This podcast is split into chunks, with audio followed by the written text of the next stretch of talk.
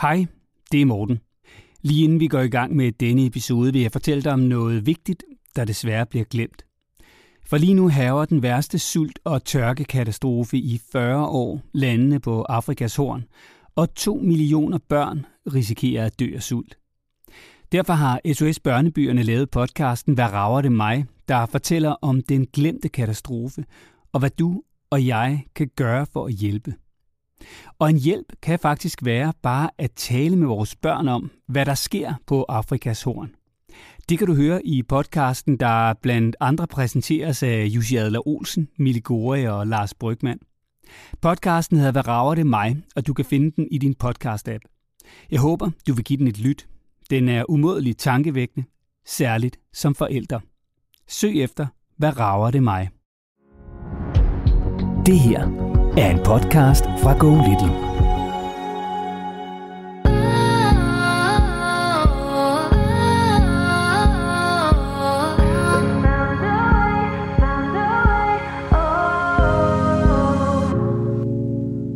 Anna, nu skal vi jo øh, høre fra dig, hvad det er, øh, du går og bokser med i forhold til ja, din datter, og måske også særligt din mand. Er du ikke sød prøve med dine egne ord at fortælle, hvorfor det er, du har skrevet til os? Vi har en et ret god madkultur derhjemme, men jeg, jeg har bare en bekymring i mig, fordi at der er sådan en tendens til overvægt og spiseforstyrrelse hos små børn. Og der kommer jo altid nogle kommentarer udefra, når man sidder i større selskaber. Får hun ikke noget at spise til barn, Sikke hun spiser så tænker jeg på det, jeg hører, at du ønsker dig af, al, af hele dit hjerte, at du skal blive medlem af en familie nu selv, hvor der ingen fokus er på maden, hvor det bare er sådan en midte, et, et, et rigtig godt, bare et godt måltid. I er enige om det, I spiser. I tænker ikke på mad, heller ikke på, om man kan blive for tyk, men heller ikke på, om man skal spise gluten, eller hvad man nu skal. Man skal bare have det, der står på bordet.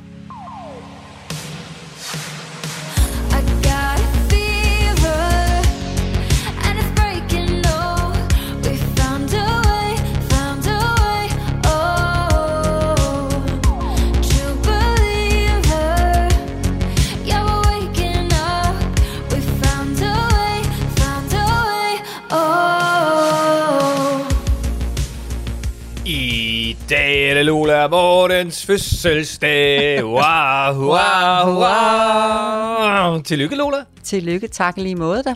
Jeg kan bare sige sådan, at øh, Lola og jeg har fælles fødselsdag i dag. Ja, det kan man godt sige. Helt ja. bestemt stor fødselsdag, synes jeg. Og, og det er jo fordi, Lola, øh, i januar 2001, 21 var det vel? Mm, det var det. Jeg har simpelthen jeg, jeg, du ved, jeg har mistet al overblik. Øh, men der øh, udgav vi den første udgave af Lola og Morten podcasten. Det gjorde vi, ja. Og vi anede jo ikke, hvordan det ville gå. Nej, det vidste vi ikke. Øh, du, du, øh, det er altid dig, der kommer til mig og siger, hvad, jeg har lige en idé her, hvad siger du til det? Og, jamen, så hopper jeg jo egentlig meget frisk på, synes jeg, og så startede vi op og gav, gav vide, hvad det kunne blive til, men øh, det vi får tilbage, øh, det kan vi godt fejre, for jeg synes, at vi får tilbage fra folk, at øh, det her det er brugbart. Jeg skal simpelthen fortælle dig, at når jeg kommer rundt i marken, og dem, der lytter, de siger simpelthen, at de henter noget fra den. Blandt andet så havde jeg en samtale med en, en, en familie, og der fortalte hun så, at netop det der med, at vi giver håbet, blandt andet den bemærkning, jeg kommer med tit i, i mange af dem jo, at lad nu de 70 procent være godt nok, og så lad være at bebrejde dig selv hele tiden for de 30 procent. Det var der simpelthen en, en, en mor, der sagde til mig, at når hun kørte hjem og hørte, altså, og hørte, jeg havde fornemmelsen af, at hun havde hørt nogle af dem flere gange, åh, jeg får det så godt, hver gang jeg kommer til der, hvor du siger sådan, Lola, fordi det giver mig bare sådan en, jeg er god nok, selvom jeg synes i morges, at børnene ikke kom positivt ud af døren, som er min drøm. Jeg skal jo være den perfekte mor.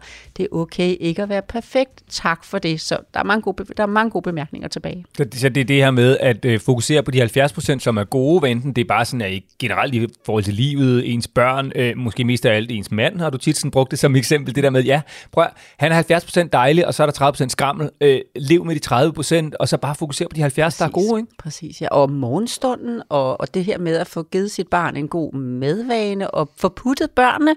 Jeg havde også fornøjelsen at møde en, som sagde, at efter jeg har hørt det der, så øh, hvor du putter, og den ro, der er i rummet, og, og den fornemmelse, at den mor, der nu ringede til os på det tidspunkt, gav fra sig, det er simpelthen bare det, der gør en forskel. Det øh, har jeg benyttet mig af, den ro har smittet, og derfor har jeg fået puttet mit barn. Så er det jo fantastisk, så jeg, øh, jeg synes, det er mere end et 50 ganges jubilæum, det her. Det er simpelthen en glæde. Det er en kæmpe glæde. Og det er nemlig jubilæet. Det er fødselsdagen. Det er, at den her episode, du lytter til nu, det er episode nummer 50 af Lola og Morten. Ja, der, inden vi sætter den i gang, så nu når jeg var ved samtalerne, så havde jeg altså også en samtale med en familie forleden dag. Og der er så en kompliment til dig, sådan så at øh, du også får den anden vej, for det fortjener du. Dit store arbejde med at få Go Little Play og alt, hvad, jeg kan slet ikke følge med, Morten, hvad du sætter i gang. Det skal du vide, for hver gang er der et eller andet nyt, du har sat i gang. Så er det morgen, så er det eftermiddag, så føles man med dig med, med alle mulige. Mine børn, børn kender dig jo også. Du har også været med på min ferietur, når, du, når vi vi har fået øh, alle de her røverhistorier rundt om i landet. Ja, men ved du hvad, der var en kompliment, fordi denne her familie, da vi sluttede af, sagde de, hils Morten, og sige, at det er fantastisk, det han laver. Vi bruger det hele, kunne jeg så forstå. Så nævnte de nogle af tingene med både jeres øh, hæfte, man kan få tilsendt og så videre. Vi er så glade for det. Og jeg ved, de lytter med. Podcasten, de er meget øh, trofaste lyttere, så nu kan de høre, at jeg husker at sige det til dig. Så kompliment for dem, og selvfølgelig også fra mig, for jeg kan høre ud i marken, at det er noget, der er godt. Nå, tusind tak. Og hvis nu, hvis nu du sidder og tænker, go lille play, hvad filen er det? Det er sådan et helt nyt lydunivers øh, til børn, hvor man så får en masse nye sådan, danske historier, som børnene kan lytte til hver uge, i stedet for øh, kun at se på skærm. Øh, og så kan man så også få sådan et hæfte hjem med opgaver og sådan noget. Og, og det, det sjove er, Luna, øh, det er, vi har, øh, og det, det talte vi også lige om, inden vi gik på her, øh, jeg har sådan prøvet at finde ud af det der med, fordi det der med, altså børn ser jo simpelthen så meget skærm, og det, det, skal de jo, det får vi jo ikke til at holde op med, det skal de også bare blive ved med. Jeg kan godt tænke mig det der med, bare lige give dem et åndehul en gang imellem, og, og give forældre et redskab til måske, at, at børnene ikke kun kiggede ned i skærmen, men også fik noget andet. Ikke? Jamen, dog det får noget andet så er det jo netop væk fra skærmen. Så er det jo, når vi har en køretur til Jylland, hvor vi så hører på dine spøgelseshistorier, eller hører på, hvor vi har en, en, en, en eller anden quiz jo, mm. hvor du godt nok skal hilse og sige på børnenes parti, ikke? Men øh, sådan, så de vinder et eller andet. Og simpelthen, Ej, det er bare, fordi du er dårlig. Ja, men helt, helt klart, de skal over eller under, ikke? så kan det jo simpelthen kun være vinder. Ikke? Det kan vi grine rigtig meget af. Men den der fornøjelse at gøre det, i stedet for, at de sidder med hovederne i en skærm. Øh, stor respekt herfra, og jeg ved, hvad den der lyd gør ved børn. Altså nu mm. blandt andet fortalte du så, at I også var begyndt at gøre det om morgenen. Det der med at trække børnene lige så stille ud af, af søvnen med en god start på dagen. Sådan, jeg kan lige høre den her lille historie. Det er jo lidt som 10-7 med radio. Øh, Rasmus Radiomus. Ja, som jeg holdt jo meget af dengang, hvor vi kunne bruge den. Ikke? Men mm.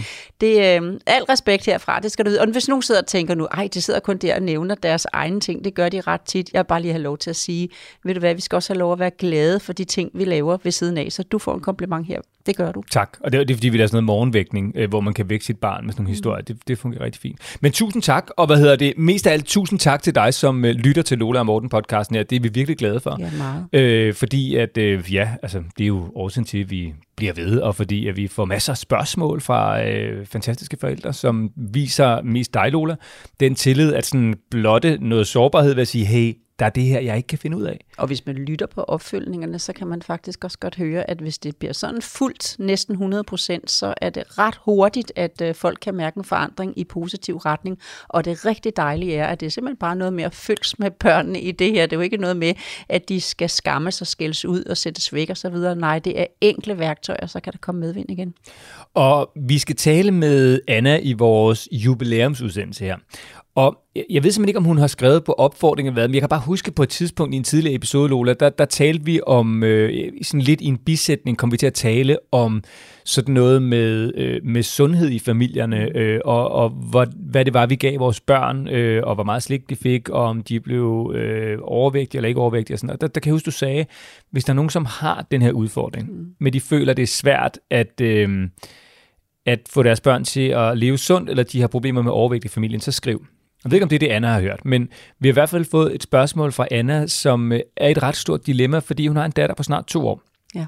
Og hun er, sådan, hun er som sådan ikke overvægtig, men Anna er bange for, at de er ved at komme ud på en glidebane. Simpelthen fordi, at Annas mand, han er vokset op i en familie, hvor at øh, der er meget kort til søde sager, øh, og hvor man lever øh, virkelig godt på dansk, som Anna hun, øh, hun skriver. Ikke? Øh, og, og det ser Anna som, at hendes mand er ved at overføre til deres datter også det, som Anna selv siger i forhold til at øh, være så opmærksom på det selv, at det faktisk også kan være en hemsko. Mm. Og det er det, jeg håber, at øh, Anna får med for samtalen i dag. Det er, at vi kan få hende til at slappe af, have glæden ved mad og måltider og livet og sin skønne mand, som får ros så mange steder fra i forhold til, hvad han også kan præstere som at være en dejlig far, en dejlig partner, alt muligt andet. Der er lige det med maden, og jeg håber så meget, at jeg får bekymringen væk, så der kan være sådan mere naturlig afslappethed, for det er den bedste vej til ro omkring måltidet. Jamen, øh, så øh, lad os håbe, at vi kan få givet det videre til Anna og en hel masse andre, som bekymrer sig om enten deres børns vægt, eller måske går for meget op i, hvad der egentlig kommer på tallerkenen, så det i sig selv bliver en øh, hemsko. Velkommen til Lola og Morten, og husk, at du jo altså også skal være med i podcasten her. Hvis du ligesom Anna har et spørgsmål, så skal du bare sende det til Lola og Morten golittle.dk, så kan det være, at det er dig, der kommer øh, med og får helt gratis råd af Danmarks bedste familievejledere. Så øh, nu skal vi i gang og have ringet til Anna. Velkommen til Lola og Morten.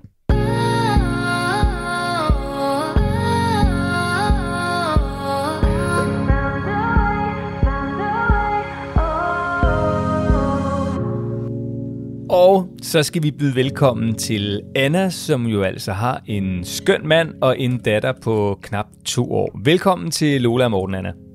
Ja, mange tak. Også et stort velkommen her fra mig. Mange tak.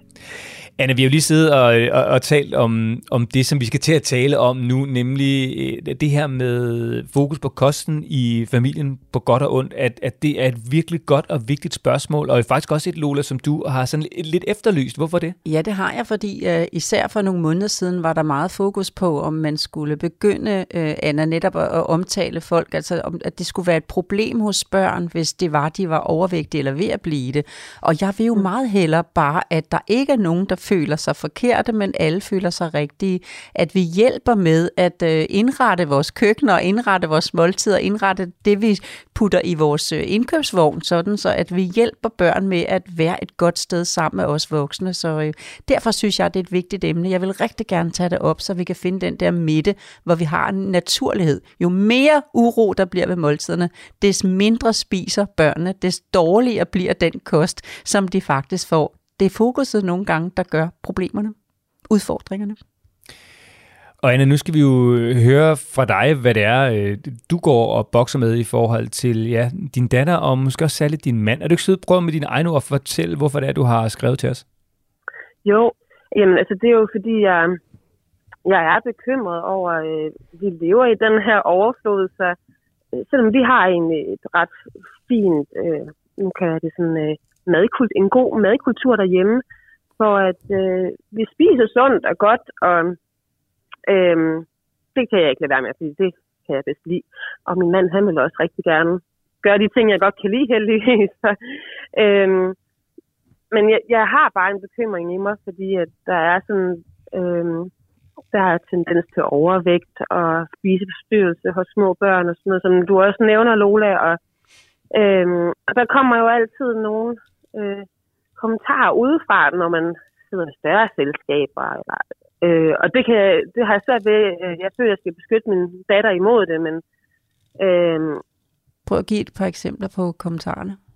Ja, Jamen, det er for eksempel nogle af de her sådan helt almindelige fraser, eller hvad man kan kalde det. Det, det er måske bare i min familie, at øh, for eksempel når min datter, hun, hun har sådan stor madglæde og sådan noget, og øh, når hun sådan spiser rigtig godt til et måltid, så, øh, så kan det enten lyde fra den bedste forælder, at øh, får hun ikke noget at spise til barn, ikke hun spiser. Sådan som om, øh, fordi hun spiser så meget, så er det jo nok, fordi hun ikke har fået noget. Altså, det er sådan lidt halvhumoristisk, mm. men, men jeg synes bare ikke, det er særlig fedt, at det bliver sagt, fordi min datter, hun forstår ikke nødvendigvis ironi, eller hvad vi skal kalde det.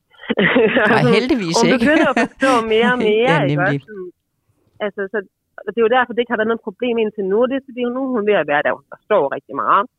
Øh, der, der er også en anden, at hvis hun spiser rigtig meget, eller ikke rigtig meget, hvis spiser godt af noget, øh, det kan måske være nogle syrlige frugter eller et eller andet, som man skal, ikke skal have for meget af, så øh, nu skal hun så godt nok til at passe på, at hun ikke får ondt i maven. Og, sådan. og det der med sådan, det, jeg synes, det er så ubehageligt, fordi hun skal ikke sidde og tænke på ondt i maven, når hun sidder og spiser lige så fint, og hun egentlig har det godt med maden og sådan noget. Jeg synes, at problemet er der faktisk ikke endnu så meget, men jeg kan bare se de her spøgelser, der kommer, øhm, når der kommer de her kommentarer udefra. Øh, og sådan, hun sidder lige så stille og spiser sin mad. Måske er hun ikke sådan super interesseret i det, det er så den modsatte situation. Ikke? Også hun der er lige noget nyt, hun skal prøve og sådan noget, og hun skal bare have lov til at sidde med det, og så skal der ikke blive sagt så meget. Men der er bare nogen, der er, ej, skulle vi have givet hende det her, og det her, og det her, og det her. Hvor, de, hvor den her ro, den bliver ødelagt, og hvor jeg sådan, øh, det så lykkedes mig en gang faktisk at sige, at hun har bare ro, brug for ro til at sidde med maden. Men det kan godt være svært ligesom at få sagt det øh, rigtigt, og jeg er så bange for at fornærme folk og, og øh, gøre, at de føler sig forkerte, eller ja. Så så, så den ene del af dit spørgsmål, Anna, eller din, den ene del af din bekymring, yeah. den, den handler om det der med andres sådan, fokus på, på maden, på godt og ondt. Både hvis din datter, hun øh, spiser godt, som du siger, så ej, får hun slet ikke noget at spise, og hun spiser vel nok også meget, og hvad det nu måtte være. Eller hvis hun yeah. ikke spiser noget, øh, så er det også et problem. Eller hvis hun spiser noget, som andre tænker, det er forkert, så er det ligesom også et problem. Så, så, så jeg, som jeg forstår det, så den ene halvdel af din bekymring, den går på mm. den massive fokus, der er fra alle mulige andre øh, på, på din datters øh, madvaner, og hvordan du håndterer den del? Ja, men det bunder selvfølgelig i mit eget. Altså, at jeg sådan selv ikke gider have det der fokus hele tiden. Altså, jeg har selv haft for meget fokus på min mad. Alt, hvad jeg puttede i munden. Og, øh, jeg, jeg, har, jeg har bare været så glad for, at, at jeg har fået sluppet det. Og, så jeg har sådan lidt brug for hjælp til at finde et sted, hvor jeg ikke har for meget fokus, men samtidig ligesom har nogle rammer for, jeg kan sætte op for hende i den her to års alder og, og videre frem. Ja, fordi at øh, jeg synes bare, det er svært at håndtere det. Og det, det lover jeg dig, at der sidder øh, den bedste til det øh, overfor mig lige om lidt. Nu, vi, vi noterer lige ned og samler lige til bunke, Anna. Men så, så er der også en, en anden del af dit spørgsmål, som handler lidt mm. om øh, din mand. Øhm, ja. Øh, som du øvrigt beskriver, skal jeg bare lige sige, øh, utroligt dejligt og skønt i, øh, i din mail, og hurra for det, så det er det ikke sådan en eller anden, øh, hvad hedder det, shaming af ham, tværtimod. han er en god, han er en god far, skriver du mange gange. Det er rigtig ja. dejligt, ja. Prøv, prøv lige at fortælle, hvad er, øh, hvad er din bekymring i forhold til din mand? Jamen, det er, at øh, det, det, det er ikke kun, øh, når det er andre mennesker, det er også min mand, jeg har svært ved at tage snakken med, fordi det er nok, fordi det er så alvorligt for mig, eller sådan, øh, og øh, det er bare, når vi har nogle små øh, ting, som jeg synes, vi, vi skal håndtere, øh, så prøver jeg at snakke med ham om det, og så, øh, så føler jeg, at han går meget i forsvarsposition, og, og så, så, så ender det med, at jeg slet ikke rigtig tør at snakke om det faktisk med ham. Så, altså det er egentlig få ting, jeg, jeg virkelig har svært ved at snakke med ham om, det er, når det begynder at handle om søde sager og øh, ja, maden og mængderne. Og sådan, altså, øh, Hvorfor er det svært? Fordi jeg, jeg er bange for, at han føler sig forkert. At hans øh, indgang til maden, at det er forkert, fordi jeg synes, vi skal noget andet. Eller sådan, øh, ja, Prøv, prøv, prøv lige at komme med nogle eksempler på, eller på et, med et eksempel på, hvad er det, som din mand kan gøre i forhold til kosten, i forhold til din datter, som du kan synes er forkert eller problematisk, eller som du gerne vil i tale sætte over for ham? Hvad er det for nogle situationer? Øh, ja, det er for eksempel sådan, det kan godt virke sådan helt fjollet, men øh, sundhedsplejersken har jeg snakket om sådan helt, det var helt lille, at det der med, at man skal ikke sådan putte alt for sød topping eller rustiner og sådan oven på grøden, at de skal ligesom have lov til at spise grøden uden. Og, øhm, og så, øh, så kommer han og putter rosiner på den her grød, ikke også? Og det er ligesom, om jeg har en eller anden grænse, der var sådan, hun kan sagtens spise grøden uden, så lad nu være.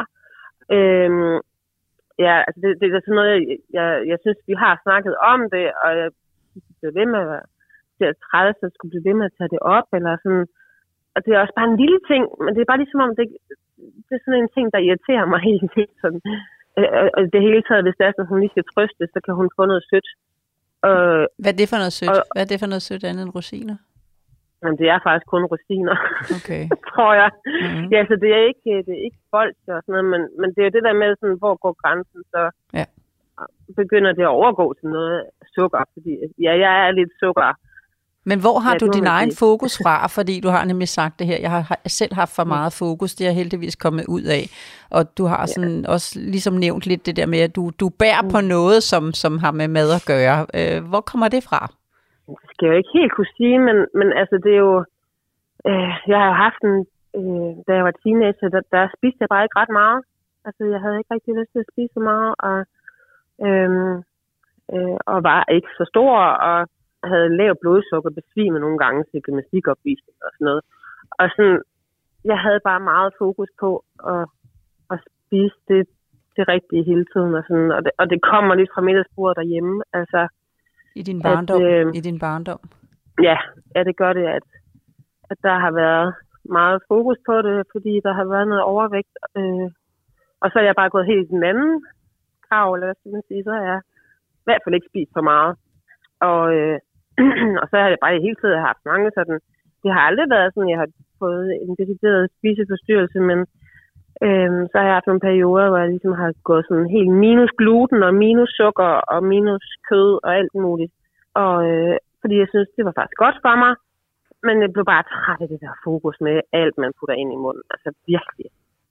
Og, og det er så det, jeg sådan helst ikke har lyst til at kaste mig ud i igen. For meget fokus på det. Altså, på en dårlig måde i hvert fald. Jo, ikke? Så der skal sådan være balance i det på en eller anden måde. Spot var det et svar? Ah, det er spot on. Det er simpelthen så nemt at følge med, hvor du befinder dig. Men jeg vil bare sige, Anna, det, det er jo, og det kan man også godt høre, hvor det, det er jo sådan en, Åh, oh, det er også en, det er en stor en, at ligesom skulle tage livtag med, og ligesom sige højt og sådan noget, fordi jeg, jeg synes så bare, for mig er jeg sådan kæmpe respekt for at, at, at, at ligesom også i tale sætte både, at du er fokuseret på det, men også til tider jo irriteret over din egen fokusering, selvom du også godt ved, at der er noget af det, der er rigtigt, men så skal den jo heller ikke gå og gevind, og hvordan sørger man for at sige det på en måde, så det ikke på den ene side udvikler sig til noget skidt i forhold til din datter, og også i forhold til din mand. Og sådan, det, jeg kan godt til hele det her dilemma, som jeg bare synes, du beskriver rigtig fint. Så, så uh, thumbs up for det, Anna. Tak. Lola. Det er godt. Ja, Anna og Morten. Men Anna, jeg skal simpelthen lykkes med at få, at få dig givet en naturlighed i forhold til jeres måltid hjemme i familien igen, fordi at, uh, så bærer du jo på det fra den gang, du selv var barn, som jeg også kunne læse mig til, ikke? og i din jo. meget fine beskrivelse, og du har selv også sagt det højt nu, uh, det er det her med, at uh, når der har været fokus, det var så den anden vej, fordi der var overvægt i din familie, så tænker jeg på det, jeg hører, at du ønsker dig af, al, af hele dit hjerte, at du skal blive medlem af en familie nu selv, hvor der ingen fokus er på maden, hvor det bare er sådan en midte, et, et, et rigtig godt, bare et godt måltid. I er enige om det, I spiser. I tænker ikke på mad, heller ikke på, om man kan blive for tyk, men heller ikke på, om man skal spise gluten, eller hvad man nu skal. Man skal bare have det, der står på bordet. Og dem, der lytter med, hvis, ingen problemer for mig, hvis man vælger at være, man kan være vegetar, veganer, low carb, Atkins, paleo, 5-2-0, kulhydrater, masser af proteiner. Altså, jeg er fuldstændig ligeglad, hvad familier vælger, Anna. Bare de tiger yeah. stille. Bare de yeah. tiger stille. For det med at være opmærksom på det, og ligesom have det, du siger det på sådan en meget, meget sød måde, du har skrevet sådan her, men det er som om, det er noget meget sårbart, det med folks madkultur, ikke? fordi det prikker meget til en, og derfor er det svært at sige det. Det kan ikke siges flottere, Anna, for det er det, der gør, at dig og din mand ikke lige har fået det her med, når I kan tale om så meget andet.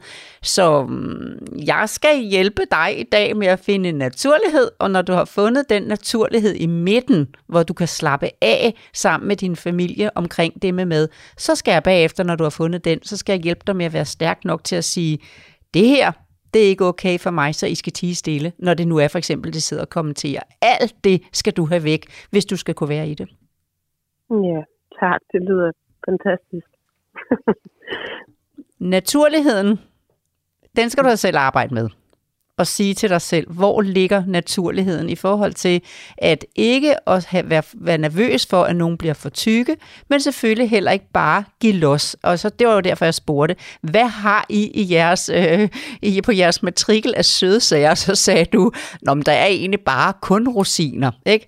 så er jeg jo nødt til at sige i forhold til, hvad jeg oplever ude i marken, nå ja, ikke? Fordi der kan jo være uden for årstid, altså der kan jo simpelthen være øh, blåbær, hindbær, brumbær, mango, papaya, kiwi, æble, pære, banan, appelsin, risifrutti, risflær, ostehaps, ostetivers, pølsesnacks, pølsehaps, pølsetern, kokostern, banan, chips, tranebær, myslihjerter, hvad ved jeg.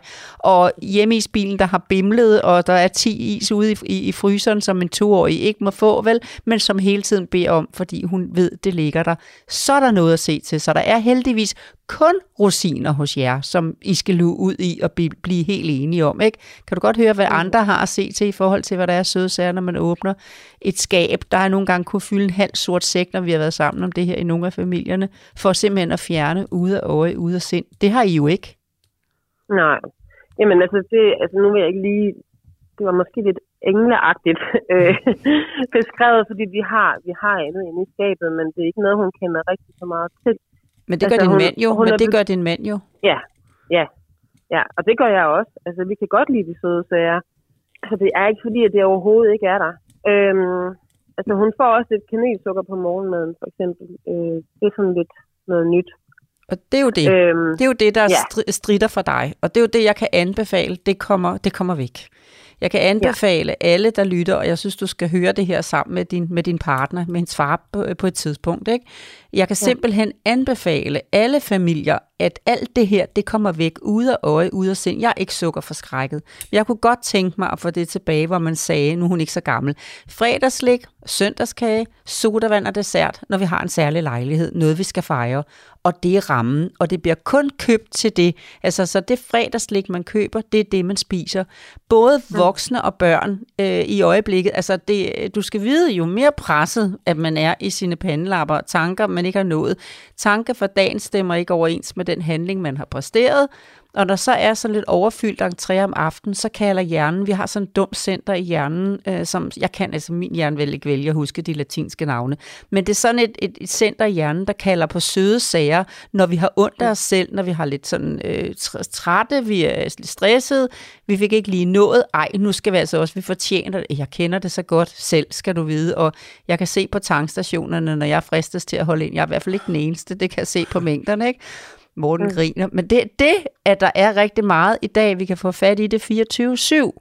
Så øh, ja. det center kalder, og det I ved dig og din partner nu, at lære jeres datter, at det center, det vækker I med kanelsukkeret allerede nu.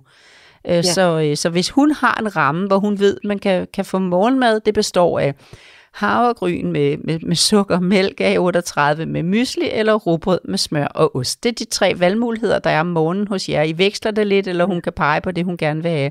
Og det, hun ja. kan få på af sukker, det er den skefuld, som I giver hende, som I synes, der passer, sådan, så det har en god balance i forhold til sødmen, og det er det, hun kan få. Fordi kanelsukkeren ja. øger bare, sådan så at om ja, et halvt år eller et helt år, så skal der også øh, Cheerios ovenpå. Så kan hun se alle pakkerne, når I er ude at handle, og hun er afsted med farmand om formiddagen og handler, og så peger hun på dem der, for dem har hun set et andet sted, når hun har været hos nogen. Og så vil hun kun spise. Jeg har altså nogle gange mødt, at de også skal have krømmel på lige pludselig, fordi det stod der, der bare for jul, ikke? Må jeg godt få krømmel på min morgenmad, og det kommer oven i vanen med kanelsukker, så jeg kan godt anbefale, at I, I bestemmer jer for, at I ikke har noget på jeres matrikel, og bestemmer jer for, hvornår I må være søde, for det skal I selvfølgelig også have lov til at være. Hun skal jo lære at være sammen med det her, ikke? men det kan hun jo være ja. på bestemte tider, når der er købt ind til det. Okay, så sådan helt lavpraktisk, så må hun godt få lidt kanelsukker på. Nej. Altså fordi, også hvis hun beder om det igen, så får hun det. Altså det får hun ikke. Nej, det, øhm, muligheden er væk. Men vi nu. andre, vi spiser det jo også, og det er ikke noget problem. Men det kan I ikke. I er nødt til at gøre det samme. Nej. Nej, I er nødt ja. til at gøre det samme. Så I er nødt til at sige til jer selv, om I synes, ja. I skal have kanelsukker. Og hvis det så er det, I gør, altså øh, det smager jo dejligt. Jeg laver selv bananpandekager med kanel i, ikke? Altså det giver jo ja. lidt den samme smag, og så smager så med noget skyr på, så på den vis. Men så er det bare det, som er på jeres morgenmad, ikke også? Men I skal bare vide, jo mere I vækker den del, des mere kan der komme oveni. Ja. Men bestem jer for, at den der, hvad er det, der kommer mm. kanelsukker på om morgenen, for eksempel myslin eller hvad? Eller? Øh, havregrøden. Ja, havregrøden med kanelsukker på. Det er jo ligesom risengrød med kanelsukker på. Hvad er problemet? Så får hun mm. en skefuld kanelsukker. Der er jo mange gode ting af kanel, så er den ikke længere. Men så er det det, og det er rammen, og det er en skefuld. Og så er det bare sådan, ja. det er. Ikke? Og det er jo godt, og det har I valgt. Og det er okay, at I har valgt det. I skal bare være enige om jeres valg. Ja. Ja, yes.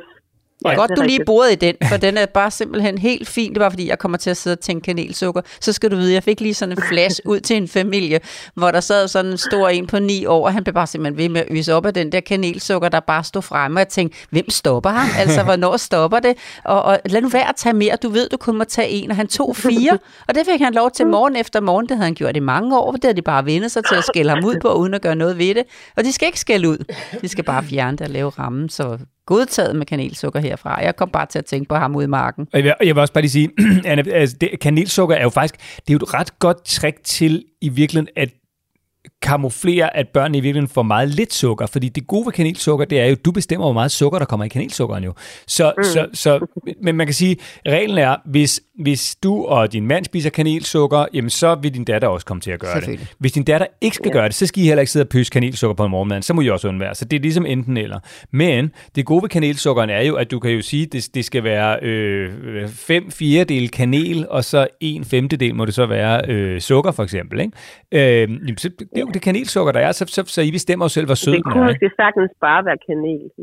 Ikke? Jo, det kan godt være. Det vil sige, hun er sgu nok ikke dummere, end at hun opdager det relativt hurtigt, men, men altså, jeg vil sige, jeg har altså også haft børn, som har elsket, altså kanelsukker er også et stort hit hjemme hos os, særligt på dengang de fik havregrød, nu gider de ikke spise det mere, men der fik de altså kanelsukker mm. på deres havregrød. Ja. Det var så også det, de fik. Og Anna, det der er vigtigt, det er, at vi ikke får den her snak til at udvikle sig netop til den der sukkerforskrækkelse, for det er det, jeg synes, der ja. er trist i dag. Det, det handler om, er, at du finder en ro med det kanelsukker, som er hjemme hos jer, og at du med din partner bliver enige om, at det er der, I lægger jer. Og hvis I også synes, der skal rosiner ovenpå, jamen så får man rosiner ovenpå, og så får man rosiner, kanelsukker og havregrød om morgenen. Og det er så det. Det, der er vigtigt, det er, at du ikke kommer til at ligesom se det, der udvikler sig lige så stille, øh, spøgelserne fra mm. din egen barndom, eller nervøsiteten for, at han en dag giver slip og giver mere til belønning, ikke? så er det altså rigtig vigtigt, at I tager snakken nu, for I skal finde roen i midten, for I får et barn på tre år, der siger, far, må jeg godt få nogle rosiner? Mor sagde nej, ikke? Ej, prøv at høre, mm. du skal ikke begynde at bruge mig nu. Altså, når hun bliver mere bevidst om det og opmærksom på det, så udvikler sig, det udvikler sig, og så kan han begynde, når de er ude at handle, hvis ikke han passer på. Jamen, der er også nogle i min børnehave, der får finstænger om. Det skal du da i hvert fald så også have. Altså, der er også nogen en gang imellem, der får lov til at få en, en, en, en, en chokoladebolle, når de er med deres... Og det vil da være rigtigt. Og så tager det til, og så bliver du forskrækket og bange for noget, du har set før. Og så kan du ikke holde den der naturlighed i midten. Så det er den, I to skal arbejde. Virkelig, at du skal sige til dig selv, det er ikke noget problem med den kanelsukker og med nogle rosiner ovenpå, men det er så det. Ja, ja men det, det er helt sikkert. Men det, det, er, det er måden, eller hvad skal man sige, det er... Altså det, jeg skal til tvivl om, det er, om, fordi det skal netop også bare være en naturlig del, så det er sådan, om, når man så ikke endelig får sukker, så bliver man sådan en, der bare craver det helt vildt. Øhm, fordi man aldrig har fået lov til at få noget som helst.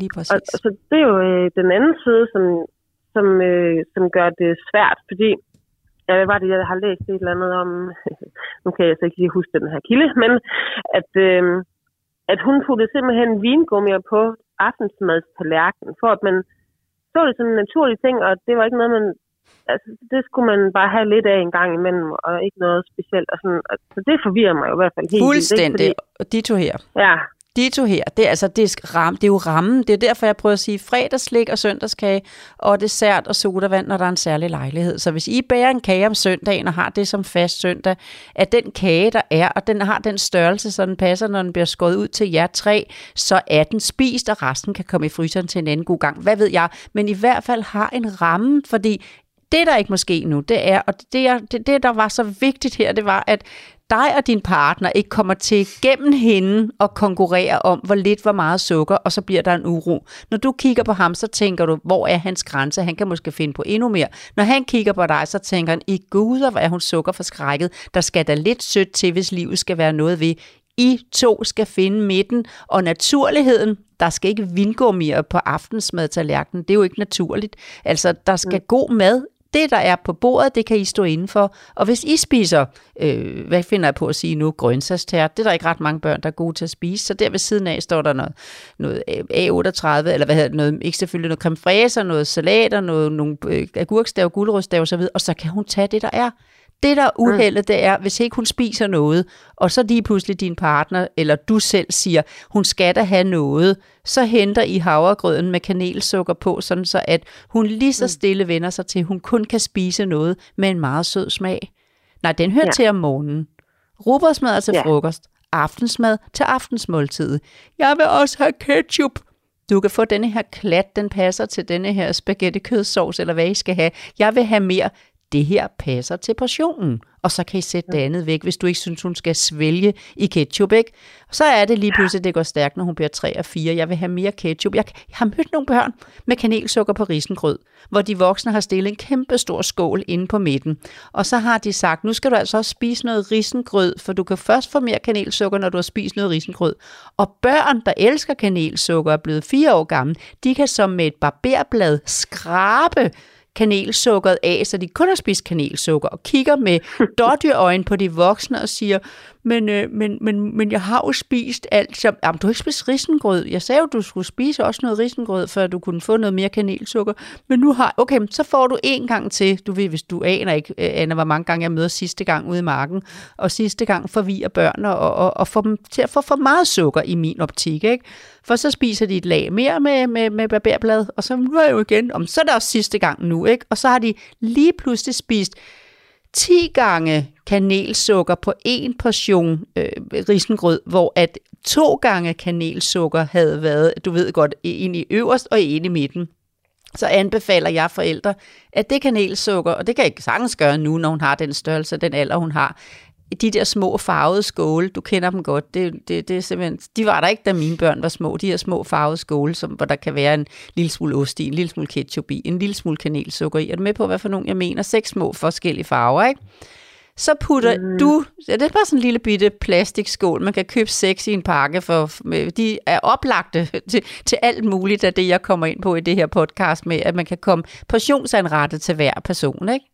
Mm-hmm. Så der, der kommer dig og din, din, øh, de, hendes far, og, og I laver tre små skåle med det kanelsukker, der passer til denne her portion risengrød, hvis det nu var det, eller havregrød om morgenen, ikke? Og så, nu kan I øse bare stadigvæk, men skal I have risengrød om aftenen, så kommer I den ske fuld i, som passer til hendes portion, og siger, det her, det er dit, og så kan de øve sig i selv at administrere. Så synes de lige pludselig, at det er mit alt sammen, og det spiser kun to fuld i forhold til 10, hvis de bare bliver ved at bruge barberbladmetoden. Ja. Er du, kan du følge mig i den idé? Det er lige meget, ja, om det er ketchup jeg, eller... Altså, du siger, ja. Prøv lige at... At, ja, ja. At, at jeg skal putte det i sådan en skål, så hun mm. selv kan få lov til at, at, at, at lægge det på. Men, men også hvor I ligesom har, hvad skal man sige, portionsanrettet det, så, så der er ikke mere, der er ikke bare en ketchupflaske, som står på bordet, hvor man bare kan sige, der er ja. det, der står i skolen. Ikke? Mm. Og, mm. og så vil jeg bare sige, Lola, i forhold til det der med, at, at, at du var også inde på tidligere, det der med, at så øh, jamen, de andre får også altid fine stænger med, eller sådan noget. Ikke? Altså, vi, vi har også sådan, vi har ikke sådan, på den ene side har vi sådan rimelig, mig og min hustru har sådan rimelig klare retninger for, hvad de må og ikke må få, øh, men det er ikke sådan udtalt på den måde. Altså, øh, mm. vi ved godt, de, de, de har altid godt måtte få et eller andet drøs på deres havregrød, for eksempel. Så er til gengæld, hvis de har fået havregrød, som er bedre, end hvis de sidder og spiser et eller andet, øh, du ved, Frosties, eller et eller andet halvøje om morgenen, eller Chocopops, eller et eller andet halvøje, ikke? Øh, mm. Og, og så, min datter, hun kommer også tit hjem, øh, og så, så får de sådan nogle hjemmesmurte madpakker, noget, der er ikke noget slik i. Øh, det er der aldrig. Hun kommer altid hjem og siger, hvorfor må jeg ikke få mælkesnit med? Alle de andre får mælkesnit. Og så bare sådan, ja, det, det, må du, det får du bare ikke. Øh, men til gengæld, så fordi det, det ved hun godt, så i dag for eksempel, fordi at hendes tante havde lavet kage i går, så har jeg givet hende et lille stykke kage med, uden at hun vidste det. Men det er ikke sådan en ting, det er ikke sådan noget med, at så er det fordi det er mandag, eller så er det fordi det får hun altid med. Så det er bare fordi, hun ved godt, hun aldrig nogensinde får noget med, men så kan hun sådan godt få det med som en lille overraskelse, uden at det så bliver en stor ting, eller at øh, så skal jeg have det med hver dag, eller sådan noget. Hun ved godt, at hun får ikke mælkesnitte med, hun får ikke kakaomælk med, hun får ikke juice med, de der ting, som hun siger, alle andre børn får med. Og det har hun på en eller anden måde accepteret, fordi det er bare sådan, det er. Og jeg kan ja. godt anbefale dig, Anna, at i børnehaven, nu når din datter er jo i vuggestue dagplejealderen, ikke? Ja. Øh, og på et tidspunkt, når hun så skal i børnehave, så skal I til at smøre madpakken selv. Og jeg var ude om at, at holde foredrag, hvor, hvor, hvor lederen sådan fortalte, at madpakkerne var meget forskellige hos børnene. Der er også nogen, der havde kage med og ting og mm. Og der var nemlig nogen, der så snakkede om det der med, at nogle gange sagde de, jeg bliver ramt af dårlig samvittighed derhjemme, når jeg ved, hvor, hvor meget godt de andre har med, og jeg egentlig bare smører en god basismadpakke til, til, til mit barn. Øh, gør det indtryk på, på mit barn så, at de andre har sådan lidt mere faste lavtris? Og øh, mm. så sagde lederen, børnene er egentlig ikke ret optaget af, hvad de, hvad de andre har. Vi har blandt andet, og det kom bag på mig, at, at, at det her kan komme til at udvikle sig til det. Men øh, vi har blandt andet et barn her i børnehaven, som får et stykke kage med hver dag, for vi lokker med kagen, sådan for ligesom at få hende til at spise noget rugbrød først. Det kan mm. kun mm. være udviklet på én måde, skal du hilse at sige mm. din partner. Det er simpelthen ved belønning, ikke? At uh, man jo. siger, hvis du spiser det her, så får du rosiner. Hvis du spiser det her, så får du kage. Når du har spist dine to rugbrød, så kan du få et stykke kage. Jeg kan kun sige, at uh, kagen bør slet ikke være der, og så kan man sagtens gøre sin datter glad med, med fasterens eller svigerindens kage uh, dagen efter, når hun er, Morten, som din datter, blevet ni år. Yes, men så lad os lige helt konkret, Lola. Så det, det du siger nu, det er, at Anna og manden, I skal sætte nogle sådan konkrete rammer op for, hvad, hvad er ligesom jeres ting, man må få og ikke må få derhjemme. Og så skal det andet simpelthen bare i en periode, indtil dit barn er gammel nok til selv at kunne styre det, så skal det simpelthen ikke være i, øh, i, i huset, fordi så, så er der ikke nogen mulighed for at give efter og sige, jamen så får du alligevel. Ja. Øh, så det kan godt være kanelsukker på morgenen, men det kan også være rosiner, det kan være hvad som helst.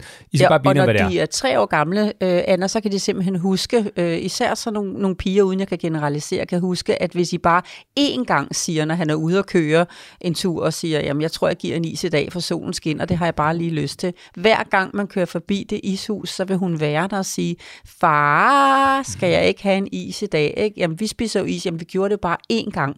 De kan huske det i så lang tid. Jeg kan anbefale alle, der lytter med, hvor der er så meget sødt, så mange fristelser, så mange alle steder, så meget man kan have i skabene. Lav en ramme og sig, vi kører til ishuset om fredagen i stedet for slikaften i dag. Det er fredag i vores familie. Og når så det bliver 6 plus, Morten, så kan man begynde at lave nogle, nogle blandede rammer, fordi har, man har skabt grundlaget for, for, den gode, for den gode ramme.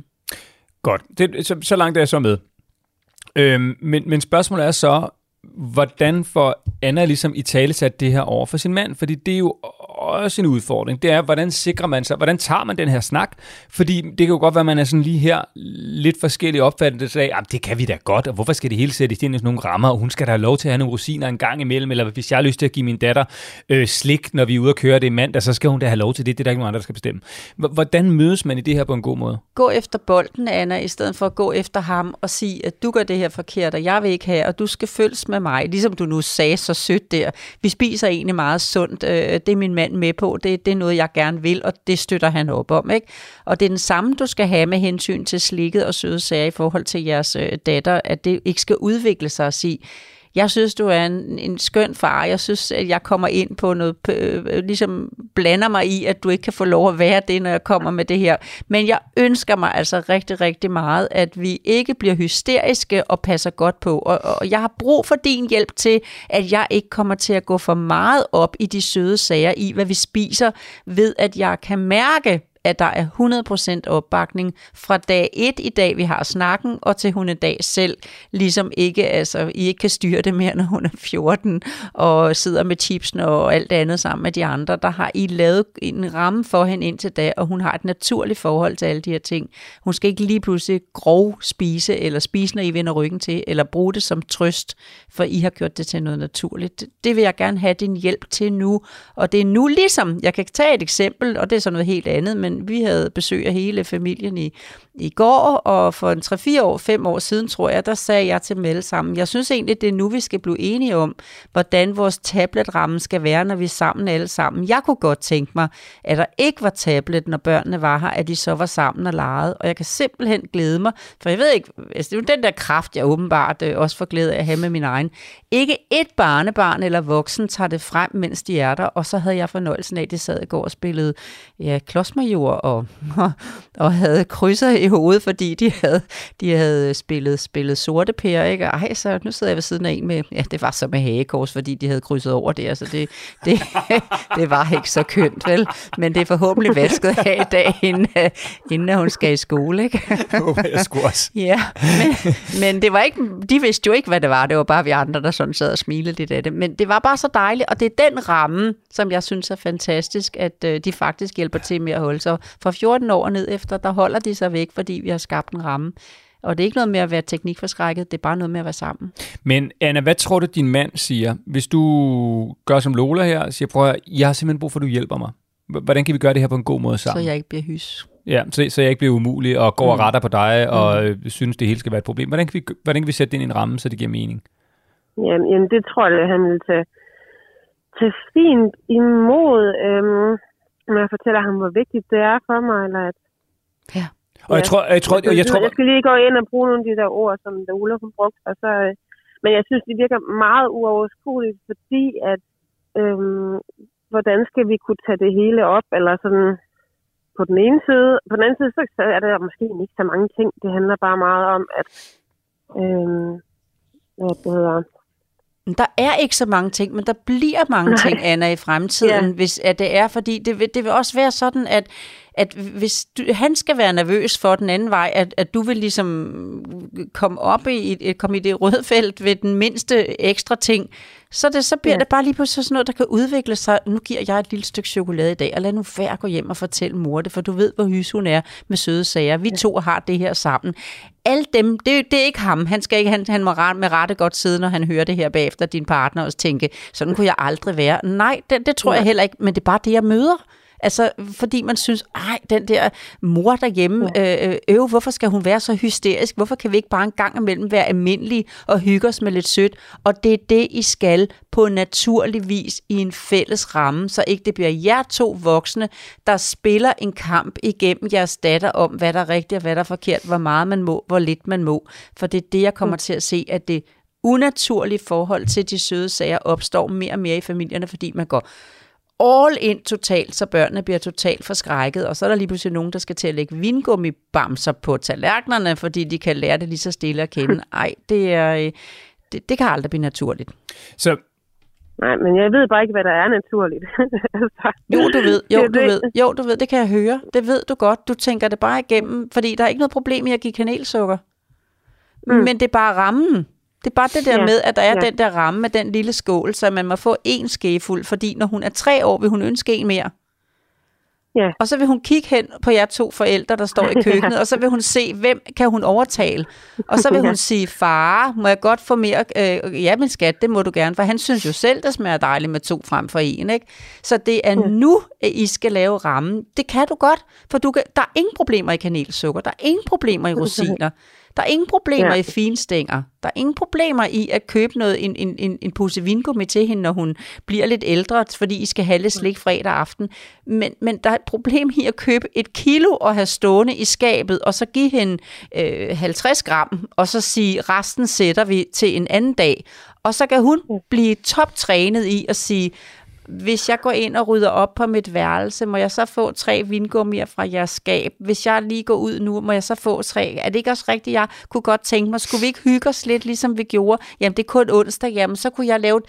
Og så vil det være lige så stille, at hun i løbet af den uge med det kilo, der står, har faktisk spist 200 gram frem for kun de 50, som var jeres ramme, I havde aftalt. Men det er, fordi I ikke er enige og finder en midte. Det er ikke sukkeret, der er problemet. Det er, hvis det løber fra jer i forhold til samarbejdet.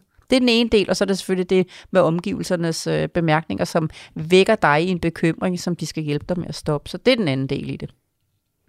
Ja, men der er selvfølgelig, altså det, det er jo det der med lige at være vagt eller opfatte i situationen, fordi det skete faktisk for mig her i morges, at jeg gav hende et ekstra knæstykker på, ikke Mm. Fordi hun bad om det.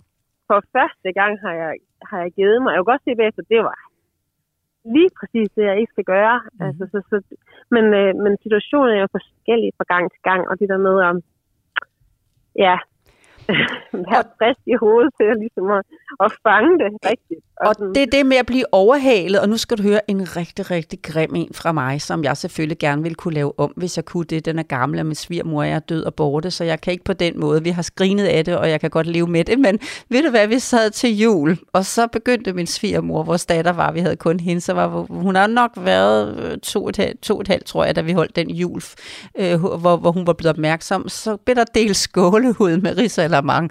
Og jeg er jo den der tabervind med samme sind, kun en mandel, alle portioner og så videre. Det, det skal man lære.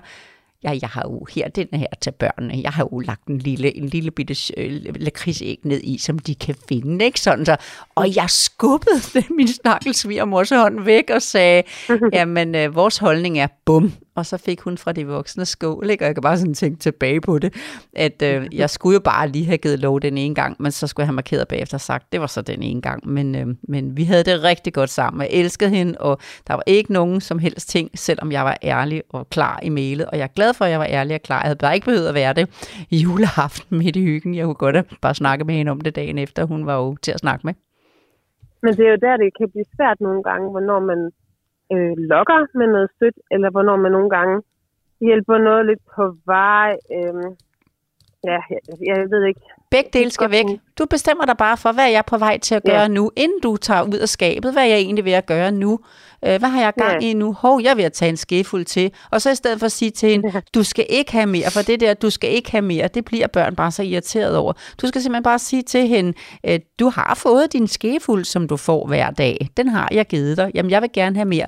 Du har fået, du får igen i morgen. Og så bare hjælp fremad. Ja. Og så gå hen og stille skab, øh, tingene ind i skabet, og pænt op på hylden, ude af øje, ude af sind. Og hvis ikke der er så meget andet end kanelsukker og rosiner, så bliver det her altså lidt for dig. Yes. Jamen, nu er jeg med, tror jeg. Anne, prøv, prøv lige at fortælle med dine egne ord. Hvad, hvad tænker du, når nu vi skal lægge på her? Hvad, hvad, hvad gør du så? Jamen, jeg, jeg ved faktisk ikke, om jeg behøver at gøre ret meget, fordi... Sådan det, skal det lyde. Det er nemlig det. Ja, fortsæt. det er lige det. Det, det er lige nu ramte. Om, hvordan jeg placerer det inde i mit hoved. Yes. Meget. Sådan, altså, at øh, jeg skal bare tage en beslutning om, hvad der er naturligt for mig. Og, øh, og det finder vi sagtens ud af, mig og min mand, tror jeg faktisk. at, øh, at, det er lige det. Øh, ja, fordi at øh, selvfølgelig kan vi det. Altså, det er bare fordi, jeg kommer til at, at blande det sammen med en, en, en hel masse følelser og sådan noget, tror jeg. Så ja. Morten, kan du Men, høre en sikker Anna, der snakker nu i forhold til, da vi startede, eller bare for 10 minutter siden? Nu ja. kommer det, Anna. Det er lige det, vi skal have frem. Ja. Det var lige det, jeg ville. Sådan. Ja, eller virkelig en Anna, som, som er sådan lidt mere, Anna, det, du må du correct me if I'm wrong, eller hvad sådan noget hedder. Øh, det virker bare som om, der er sådan lige nogle brækker, der falder på plads oven i det hoved, som siger, det, det er faktisk ikke så stort et problem, det er måske noget, du gør det til sådan et ubevidst, men hey, i virkeligheden så, huh, er det måske mere simpelt, ja. end du lige går og tror. Ja. Det er jo ikke, ja, det er jo, det, det er jo ikke ubevidst. Jeg er godt tilfreds med den madkultur, vi har. Ja. Så, så vi skal bare bevare den. Altså, det, det er meget det. Ja, og så tror, og så tror jeg, det der med... Ja, ja, og så det, jeg synes, var, som var Lolas egentlig gode pointe også, der kan jeg bare sige, det, det, det er en måde, som er rigtig svær at kæmpe imod som mand. Det er det der med, hvis du vender dig om og siger, prøv at skat, kan du hjælpe mig med, at jeg ikke bliver hysterisk? Hvordan gør vi det? Hvordan sørger vi for, at jeg ikke går og, hvad hedder det, hakker ja. på dig? Eller jeg, øh, hvordan kan vi ligesom sætte det en ramme, så, så jeg ikke bliver, øh, hvad hedder det, øh, streng over for dig? Så jeg ikke udvikler en tilgang til maden, så vi får lavet et barn med spiseforstyrrelse. For det er det, jeg, det er jo ikke ubevidst, du gør det. Det er jo fordi, du har oplevet det i din egen barndom, at mad var noget, der fyldte. Så du har en bekymring, som er reelt nok. Men du skal have en naturlighed. Og det kunne jeg høre der. Altså, øh, vi skulle slet ikke have afbrudt dig. Vi skulle bare have sagt, sagt, hvis vi høres ved, for der var du i et rigtig godt spor. Men jeg synes stadigvæk, altså når der kommer kommentarer hen over middagsbordet, når vi er i større forsamlinger, mm. altså så bliver jeg meget nemt usikker. Altså, der ved jeg simpelthen ikke, hvad jeg skal sige. Men det var den anden ting, jeg skulle lykkes med i dag. Det var at skabe en sikkerhed, og det var derfor, jeg havde planlagt, at du skulle have min historie fra min egen risalamang. For øh, nu, nu synes jeg, jeg var lidt voldsom med, med sådan, ikke, det var ikke fysisk på den måde, men sådan, brum, jeg stemte bare totalt i, ikke? Så alle, alle sad med midterskilning ved bordet, ikke? De ridsede, jeg ridsede dem langt, langt ned i hovedbunden øh, med min tydelighed. Men jeg fik også glæde af min tydelighed, så, så hvis du siger, øh, den, den, den bemærkning vil jeg gerne have øh, stopper, fordi øh, den, den, den gavner ikke på appetitten. Altså, øh, som så du hele tiden laver bold. Øh, jeg vil gerne, ja. når vi er her, være, være fri for at høre, at der bliver talt om, om, om, øh, om mad, hvad hun spiser, og hvordan hun spiser, og hvordan hun sidder. Det klarer vi, men jeg vil gerne snakke om alt muligt andet fra de varme lande. Bare ikke omkring min datters madindtag, for hun skal have fred og ro. Og især ja. nu, hvor du har ret, hun ikke forstår, hvad der sker, men det var jo ikke længe før, hun bare kan mærke, at din usikkerhed kommer til stede i de her situationer, og den vil jo også spejle sig i forhold til, hvordan hun spiser, hvad hun spiser, hvad hun kigger rundt efter. Og så ved hun jo lynhurtigt, når mulighederne er der. Øh, ah, der sidder øh, mormor og farmor der. Der er en mulighed for at sige dem til dem, øh, må jeg gerne øh, lade være at spise mere nu, og så få is til dessert alligevel, eller hvordan I nu. Nu synes jeg ikke, man skal blande desserten sammen. Altså, de spiser det, de kan, og så får de dessert bagefter. Det er det med at sige, hvis du spiser tre kartofler, så får du også dessert, som farmor har lavet i dag. Lad være at rode det sammen. Sig, når vi er ude, spis, og så når vi er hjemme, skal kan I lade være at have desserten. Ja. Og det lyder så nemt. Jeg synes bare simpelthen ikke, det er det i situationen. Min, min datter, hun har også gjort det i nogle få selskaber, så har hun simpelthen sagt, men sådan var hun. Nu er hun færdig med hendes lille stykke kage, hun fik, jeg synes, der passede til hende. Og så, øh, og så siger hun færdig, og så går hun hen, så går hun øh, ned fra sin stol, og så går hun hen til farmor og sætter sig der og får, får lov at få noget mere, ikke? Og farmor, og, den går ikke? Og det er der, hvor du også som mor skal ture, ligesom jeg turde dengang. Der var ikke nogen af dem, der var i tvivl om, at, at jeg, øh, det var ikke noget med, at jeg troede, at jeg kommer aldrig mere, hvis ikke I, I, I gør som jeg, og, og lige så stille under, dropper vi at være sammen med. Det er der jo mange, der gør i dag. Hvis ikke din mor vil høre os med den mad, så, så, så vil jeg ikke komme der. Jo, jo, jeg vil mm. stadigvæk komme der, men jeg vil bestemme. Det, det er dig, der bestemmer. Det er dig og din partner sammen, der bestemmer, og det skal ikke undermineres. Altså, nu giver jeg det her stykke kage, siger du. det tror du jeg heller ikke, hun vil. Det tror jeg ikke, hun vil. Nå, så Men jeg ved ikke, hvad jeg skal sige der du siger rundt, øh, nu, nu, har, nu siger vores datter her øh, øh, tak for kage og, og, og rejser sig, og så øh, til, til lige til orientering, så det er det kage, hun skal have, fordi at, øh, det vil vi gerne hjælpe til med, det, at det, det, hun sidder på den her stol, når hun spiser kage, og hun har sagt tak nu og har rejst sig. Ja. Og så hvis hun går derhen imod, at du kan mærke, så rejser du dig frisk op og siger, du skal da vist lige ud og have tørret din næse, nu kan jeg se, den kommer der lige til at løbe, inden hun når at få et stykke af farmor. Eller bare ja. ærligt sige, øh, åh oh, nej, hun skal ikke have mere. Det fik jeg måske ikke sagt tydeligt nok, men, men maven skal kunne holde til det. Ja. Og det er nu, hvor hun ikke forstår så meget, når du handler, sådan, så du får vist hele vejen rundt, at det er dig og din mand, der bestemmer. Og det er nu. Ja.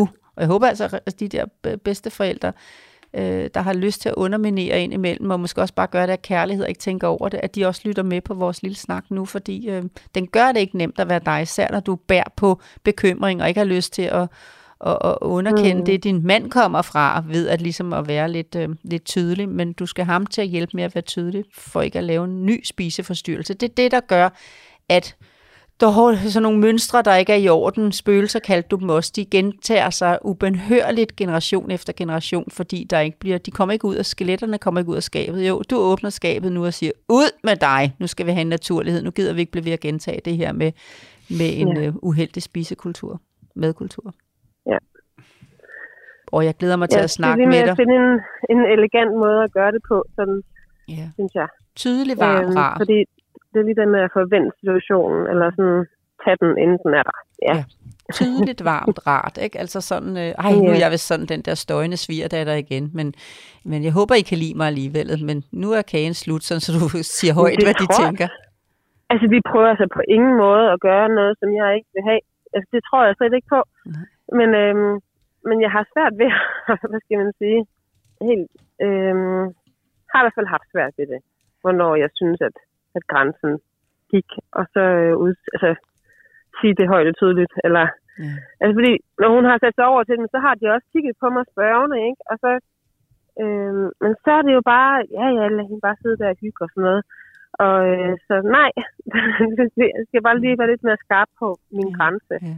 Lige så præcis. jeg kan formidle den ordentligt. Ja, uden ja. at bruge af nej, fordi du, det, det er bare at sige, at, at hun har spist det, hun, øh, hun, hun skal have nu, ikke? så hjælp mig lige, bum, punktum. Og det er også det, du skal gøre derhjemme, fordi I kommer meget hurtigt til at opleve, at man kommer langt med en ekstra skefuld sukker, umiddelbart, men det bider sig bare i den anden ende. Det kan jeg i hvert fald som familievejleder skrive under på mange gange, at jeg har set at uh, der ja. er nogle børn, der starter med, når de kommer ind ad døren og siger, har du noget sødt, jeg kan få? Ja, gulerod og agurk har vi så aftalt, ikke også? Jamen, det er jo ikke, Nå, så kan du få en ja. kvart rugbrød. Jeg laver lige en lille lækker tallerken til dig her. Jamen, der er jo ikke noget af det der lækre, der plejer at være. Nå, for søren, jamen, det har vi jo lagt til om fredagen nu, ikke? Så er det godt ja. nok nogle sure børn i begyndelsen. Men lige pludselig så vender ja. det sig til, at øh, sådan er rammen. Men den ja. dårlige vane, den, den, den udfordrende vane for børnene, den er skabt af de voksne. Det er ikke børnene, der plager. Det er ikke børnene, der hele tiden går i skabet. Det er mulighederne i skabet, der får dem til at gå derhen. Og mulighederne har de voksne skabt. Ja, men det er også godt, det, det du lige sagde med, at øh, jeg har brug for hjælp. Altså, så vi ligesom er sammen om det. Mm. Altså, det fordi jeg tror, vi er jo sammen om det. Så, så det er ikke mig, der skal modarbejde en hel flok. Men, øh, men det kan jeg jo sige direkte. Altså, jeg, jeg har lige brug for hjælp til, at hun, hun ikke får mere kage. Eller, jeg, kan læse, du har, jeg kan læse, du har en god mand, der gerne vil hjælpe dig. Det er bare lige det her med ja. den her, den er kommet til at blive en lille sådan, hvem bestemmer konkurrence imellem jer, ikke? Så det, øh, det, eller uden at vide det. Lige. Uden at vide det, ja. Fordi, ja, det er nemlig det, jeg kan kunne frygte, hvis mm. det sker i hvert fald. Ja. Anna, nu har vi været øh, en del rundt om blokken, øh, og det er jo også et kompliceret og et stort emne, som der er rigtig mange facetter, jeg har mange følelser i, og som der ikke sådan findes et sort-hvidt svar på. Det handler jo ikke om, at du skal putte på en særlig måde, så skal du gå ind hver 10. minut, og så efter en eller anden given tidspunkt, så sover din datter. Det her det er, sådan, det, det er langt Sådan mere... en kunne jeg heller ikke fyre i øvrigt, så den skal du lige huske, Nej, at den skal altså. se anderledes ud. Jo. jeg, jeg griber jo, hvad jeg har med, Ja, ja, med gør ringe du. evne forsøger. Det var virkelig ringe. Nå, men Anna, hvordan, altså, er vi der, hvor vi sådan kan slippe dig med sikkerhed i, hvad du skal ud og gøre nu? Eller er der stadigvæk noget, der du tvivler på? Øhm, nej, jeg tror ikke, der er noget, jeg sådan lige, lige på stående fod har brug for i hvert fald. Øhm, Så vil jeg gerne vende den. godt omkring. Ja, så vil jeg gerne vende den rundt, og så vil jeg sige, at øh, lige der var lige en øh, 4-6 minutter for cirka 8-10 minutter siden i snakken, hvor der var det bedste i dig. Og det tror jeg på, at du kan finde frem, når du lige har lagt røret på nu.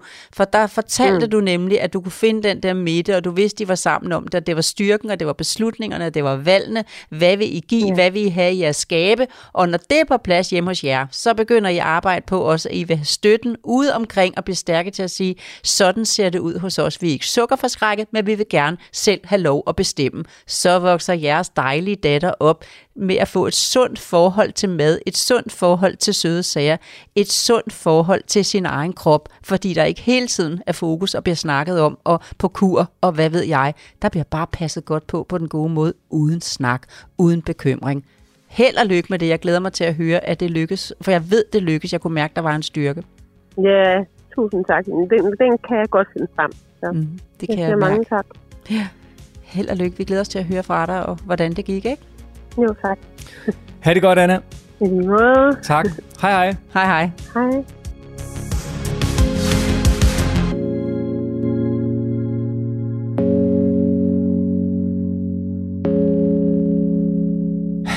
Jamen, det er, um, hvis, du, hvis, du, hvis jeg går ud i marken, øh, kigger, hvad der er en, en top 3 i forhold til, hvad der er omkring øh, at se til med børn, så er den med maden oppe i en top 3. Mm. Og det er fordi, at øh, man måler sig selv meget, især mødre gør det, måler sig selv meget. Er jeg en god mor? Mit barn spiser godt og rigtigt. Vi får de bedste ting. Så er jeg en god mor. Er jeg en god mor? Mit barn sover godt. Øh, er jeg en god mor? Mit barn har venner. Mit barn er vældig. Det er faktisk de tre ting. Og så helst måske fire eller fem. Og det er sådan et eller andet med, øh, mit barn øh, bliver ikke vred over en masse ting. Men den ligger oppe i en top 3, den med maden. Ikke? Og, og derfor er den jo også meget følsom. Og det der balancen for Anna med på en gang at bære op selv og have oplevet nogle ting, som, som man tænker, jeg vil ikke gentage, at der skal være spiseforstyrrelse i, i min mad, der skal være fokus og, og så videre i, mi, i min familie. Og så øh, kom ind i en familie med glæde for maden, og så få de to koblet sammen til at finde en rigtig god midte det bliver fint, det var godt, Anna ringede nu, for det bliver fint at finde øh, den der naturlige midte, og når den naturlige midte er fundet hjemme hos dem selv, så kan de begynde at arbejde på nu lige så hurtigt og stille, og måske så gør det, øh, det går man på, hvordan det ser ud presset, om det er hurtigt eller stille, men så skal de også have omgivelserne med til at hjælpe sig. Ja, det var, det var, det var fordi, det var, det var sådan... Altså, jeg kunne godt lige pludselig se, hvor, hvor stort og komplekst et emne det egentlig var. Øh, og det, det er sådan... Altså... Det er også svært at lave sådan præcise regler, hvor man ligesom skriver ned, Nå, men så må vi have fire rosiner på, og vi må have en halv teskefuld kanel. Så det der med at få sådan naturligheden ind i, så det er heller ikke på den anden side. På den ene side skal der være nogle regler, på den anden side skal de ikke være så strikse, så, så det bliver sådan et, et, et rigidt madregime. Det skal ikke jo. ligne regler. Nej, det, Det det. skal bare være en naturlighed. Fuldstændig ligesom, at det så brugte jeg jo eksemplet med mine egne, der kommer og ikke bruger tablet her. Det er jo ikke sådan, at jeg står derude og siger, husk nu, at vi har en aftale her. Det er simpelthen bare blevet, blevet noget, som alle har taget til sig, og, og derfor ser jeg noget andet sammen med mine børnebørn, når de er her, fordi de kan sidde inde på gulvet og, og, og spille sortepær eller klods med jord, fordi de kan ikke lave andet, så må de åbne skabet og, skabet og finde på noget. Og jeg sagde det så mange gange, anerkendende højt i går, og var det bare skønt, og var det, ej, nu har de store unger siddet og spillet, er det ikke fantastisk, og hele vejen igennem, så mm. de kunne mærke herudefra, at vi faktisk var ret begejstrede, og der er jo ikke nogen voksne, der siger, skal de ikke snart have lov til, har du ikke forestillet, kan du ikke, nej, for alle er jo begejstrede, men rammen er der, uden at det er sådan så, at man skal stille det op som en regel. Det er det, der er kunsten i det, og jeg tror, nu bliver jeg sådan lidt, måske er jeg lidt, men jeg tror faktisk, det er derfor, vi har nogle børn i dag, der er overvægtige, fordi der er for meget fokus, og det skaber alle hullerne, som børnene smutter imellem. Det er jeg bare bange for lige nu, der sker, hvis du siger det der. Det er der nogen, der hægter sig ved det, og så siger, vi fokuserer os alt for meget på det, og så lader vi bare, giver vi bare los Mm, ja, det håber jeg selv ikke, fordi det er jo lige præcis den der midte, at man har en naturlighed til det, at man køber ind det, der er i skabet, at man tænker over, hvad for en madpakke man smører, at man tænker over, hvad man giver mulighed om aftenen, når de mm. kommer hjem om eftermiddagen, og ikke en, ligesom når de ikke har spist nogen ting, siger, okay, det er jo bedre, de spiser en lille portion øh, spaghetti kødsovs med 12 skefuld ketchup på en ingen spaghetti kødsovs. Og jeg kan bare hilse at sige, at min erfaring som familievejleder er, hvis man roligt siger til børnene, hvis du ikke er sulten nu, det er okay, så får du morgenmad. Jamen, jeg vil gerne have ketchup, mere ketchup. Det kan du få næste gang, du skal have spaghetti kødsovs. Øh, du har fået din skefuld nu. Den lille skål, den har du tømt, men du får igen næste gang. Det kan du tro. Men så får jeg jo ikke mere mad. Så får du morgenmad, mm. og så turer det. Ja, og så tror jeg bare, det er bare fordi, jeg tror gerne, jeg vil derinde, hvor du siger det der med, i virkeligheden, det der naturlige forhold, ikke? Mm. det der med, at man, man skal lade være med at gå så meget op i det, det starter jo i virkeligheden nede i supermarkedet, fordi det er der ansvaret, tror jeg, så ligger hos ja. forældrene, og hvor jeg gerne vil lægge det over. Ja. Det vil sige, fordi det, det er fordi, jeg er bange for, at forældre, når de hører det her, så bliver de ved med at købe ind, ligesom de plejer. Der kommer chips og alt det der halvøje ned i indkøbskurven, og så når man er derhjemme, så siger Lola har jo også sagt, at vi skal ikke fokusere så meget på det, så det skal også bare være naturligt, og så tager de lige lidt her, vi må ikke forbyde dem og sådan noget. Men man kan jo kun være naturlig omkring det, hvis man sikrer sig, at det ikke er der. Fordi ja. så er det, man ikke behøver at gå op i det. Ja. Og så bliver det helt sig selv naturligt. Så skal man ikke sige, nej, du må få 4,5 chips, og så må du gøre sådan, så må du gøre sådan. Nej, nej. Ja. Chipsene er der slet ikke. Hvis du sørger for, ned i supermarkedet. Mm. Det er der, forældreansvaret kommer ind. Det er, du skal ikke putte alt det lort ned i indkøbskurven, når du har små børn, indtil de selv kan styre det. Fordi så bliver det naturligt, når du kommer hjem. Men hvis du bliver ved med at handle på samme måde, som du plejer, og så bare siger, og så skal det være helt naturligt, når du kommer hjem, jamen så er det, der kommer automatpilot i hånden der ned i tipsposen, ikke? Men det er jeg sikker på, vi fik sagt, jeg fik sagt i forhold til snakken med Anna, det her med, at man sørger for at tænke over, hvad man har i sit skab, og man har det, der er muligt, ellers vil det stå ved skabet hele tiden.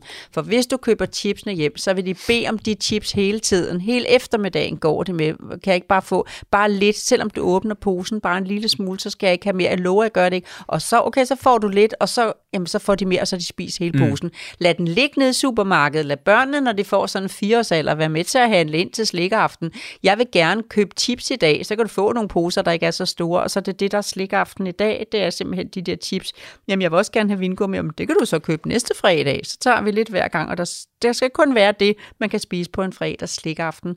Og fredagslik, søndagskage, Ligesom dengang du var barn, og så en sodavand og dessert, når vi har noget, vi skal fejre. Så kan de også glæde sig med begejstring til is og og de der ting og sodavand. Kan du huske, da du var barn, at få en sodavand? Ja, jeg kan jo endnu mere, for jeg skulle dele den med min, med min lillebror. Du kan tro, vi kiggede, at der kom lige meget glasene på den der 25 centiliters, så ingen blev snydt, ikke? Jo. Men, øh, men vi havde den der ah, begejstring, når det endelig kom, ikke? Og, og så kunne man glæde sig til det. I dag kan man få det hele tiden, altid, alle steder, hvis man ikke passer på som forældre.